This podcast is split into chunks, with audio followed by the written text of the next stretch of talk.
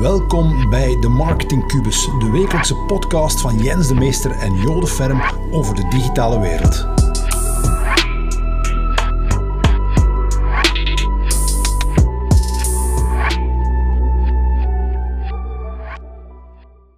Enkele maanden geleden lanceerde KBC hun API Portal.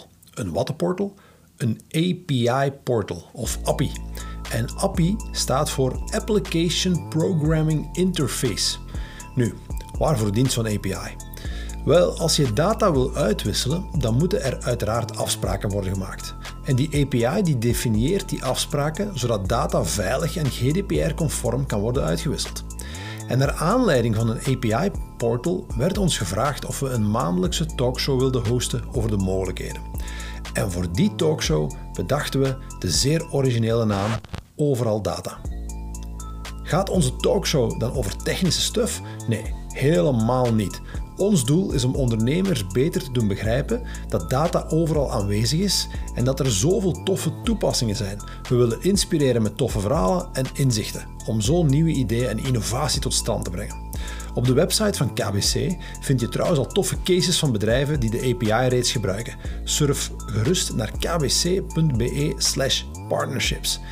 En nu krijg je toegang tot de eerste aflevering van Overal Data. Deze werd gelanceerd in september, maar nu dus ook in onze podcast. Veel plezier!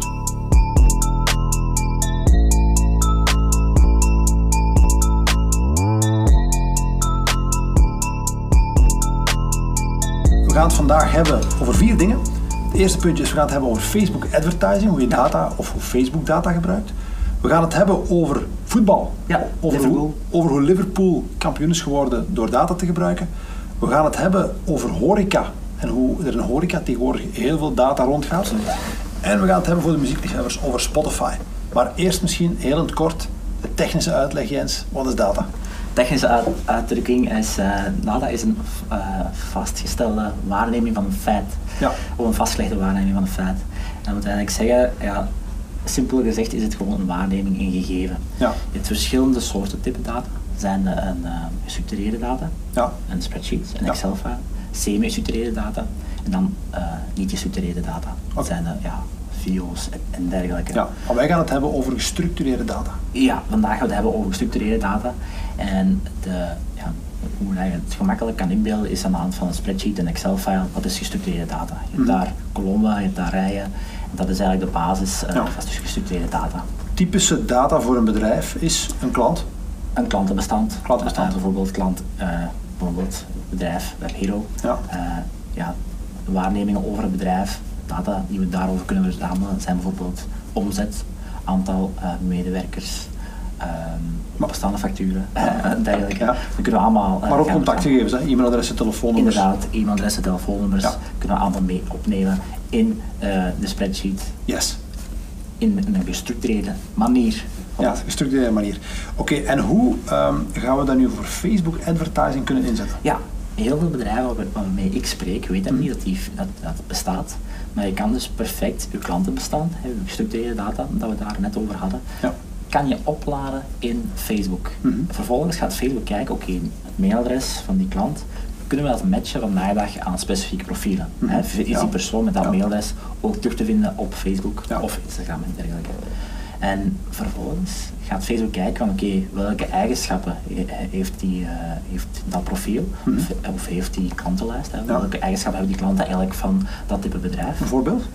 Eh, ja, bijvoorbeeld eh, de leeftijd bijvoorbeeld. Het zijn allemaal mensen tussen de, tussen de 40 en 45 jaar Mhm. die daar voornamelijk klant zijn. Ja. Eh, ook ja, interessevelden, lezen vaak, leest vaak de tijd bijvoorbeeld. Kunnen ze allemaal zien of zijn van de tijd. Het zijn allemaal zaken dat ze zouden eh, kunnen perfect kunnen registreren en Mhm. Ja. matchen aan bepaalde profielen. Ja. Maar de nu net in eh, de Facebook lookalike audiences. Ja. Dus jij kan zeggen tegen Facebook, maak nu een doelgroep op basis van mijn bestaande klantenlijst Mhm.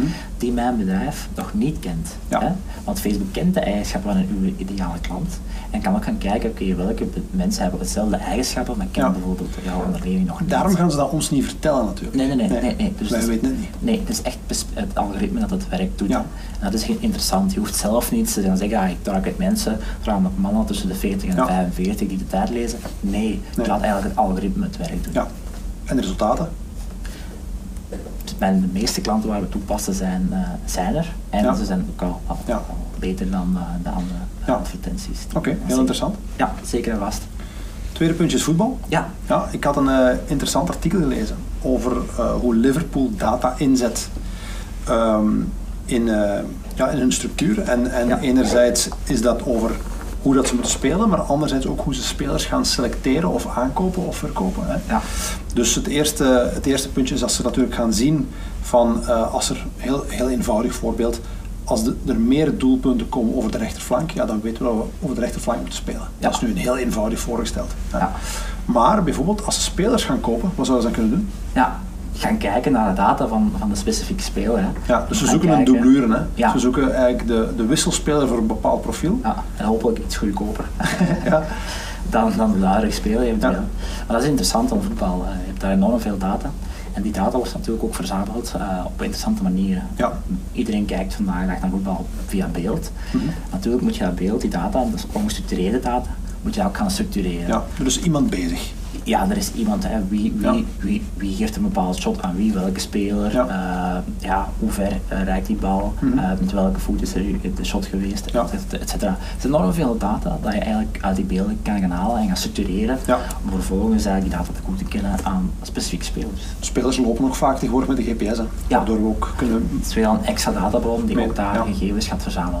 Maar op, door het verzamelen van al die data te gaan analyseren en op basis daarvan je spel te gaan verbeteren, ja, dat is natuurlijk een competitief voordeel.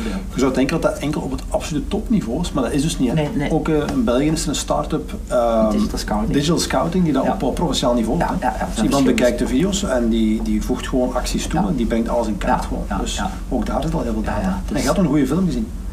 Moneyball met Brad Pitt en Jonah Hill. Een absolute aanrader eh, Ja. voor de mensen die hier interesse in Ja. hebben. Het gaat niet over voetbal, maar het gaat eh, over eh baseball, voetbal. Ja. Maar het is eigenlijk gebaseerd op een boek. Dus heel veel materiaal ter handen voor de liefhebbers. Dus, Ja, dus- oké, super. Derde onderwerp, horeca. Ja, Ja. heel hot topic. Vandaag de dag, horeca heeft moeten gaan switchen. Helaas naar ook ja, meer delivery, hè, online delivery. Heel veel restaurants kunnen geen mensen ontvangen nee, en bij gevolg gaan ze heel veel gaan leveren wat ze vroeger misschien totaal niet deden. Nee. Maar dat is een beetje een andere business. Ja, ja, absoluut. Hè. Ja. En eh, je ziet ook vandaag dag heel veel klanten bestellen niet rechtstreeks bij hen, Nee. maar maken gebruik van bijvoorbeeld pizza.be of Deliveroo. Ja, Wat dan ook met zich meebrengt dat de data eigenlijk in die systemen staat. ja van- verspreid. Verspreid natuurlijk. En natuurlijk heeft eh, een restaurant of een horeca-uitbater zijn eigen kassensysteem, Mhm. gekoppeld aan de boekhouding. Zij willen ook graag dat die data Ja. die in andere systemen zit, ook in zijn eigen systeem terechtkomt. En dat ze dat niet Ja. dubbel moet gaan ingeven en, en, en Nee, allemaal over. Het zou dramatisch zijn. Ja, op den duur eh, Ja. ben je veel meer bezig met het ingeven van data dan, dan het verwerken van de orders. Ja, Dus, eh, dat is niet de bedoeling. En dus er is een eh, scale-up, zal ik het noemen ondertussen, uit Gent, Deliveract. ja, Ja, en die brengen inderdaad al die, kaart, eh, al die data in kaart. Ja. Van enerzijds alle orderplatformen naar één centraal punt. En van daar naar de verschillende kassasystemen. ja, absoluut. Hè. Ja. Ja. Dus en dat zijn eigenlijk bepaalde trends die we zien, dat heel veel eh, gebeurt op andere, in andere sectoren ook. Ja. Eigenlijk samenbrengen van data en het centraliseren Ja. eh, is natuurlijk belangrijker en belangrijker dag en dag. Ja, je data zit heel ver verspreid Ja, ja. in verschillende tools. Absoluut. Ehm, voor de muziekliefhebbers, gaan we het nog even hebben over Spotify. Muziekliefhebber Jens? Absoluut. Favoriete band? Hier moet kiezen, eh, Arctic Monkeys, ben Oké, ik een liefhebber Daar kan ik mee leven. Daar kan ik mee leven.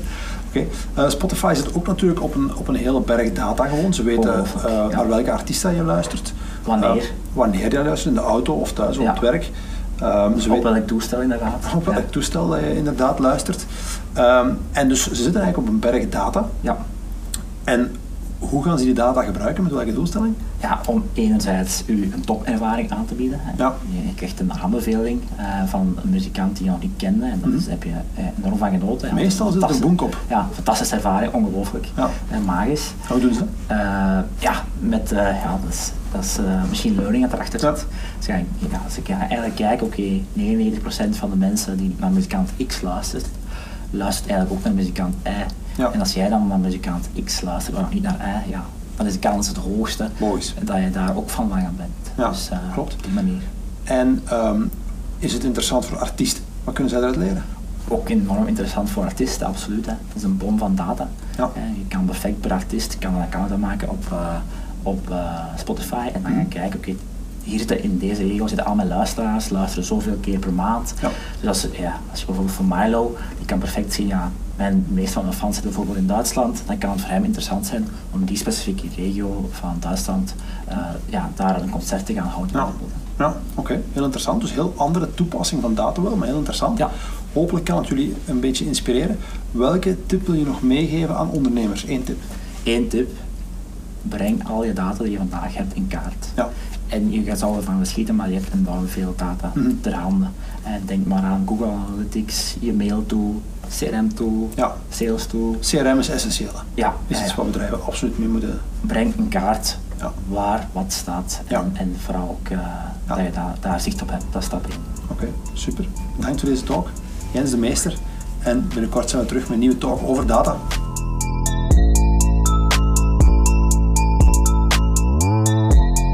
Zo, ik hoop dat je het interessant vond. Volgende week zijn we er terug opnieuw met Jens Meester. En vergeet zeker niet die rating achter te laten. Waarvoor dank.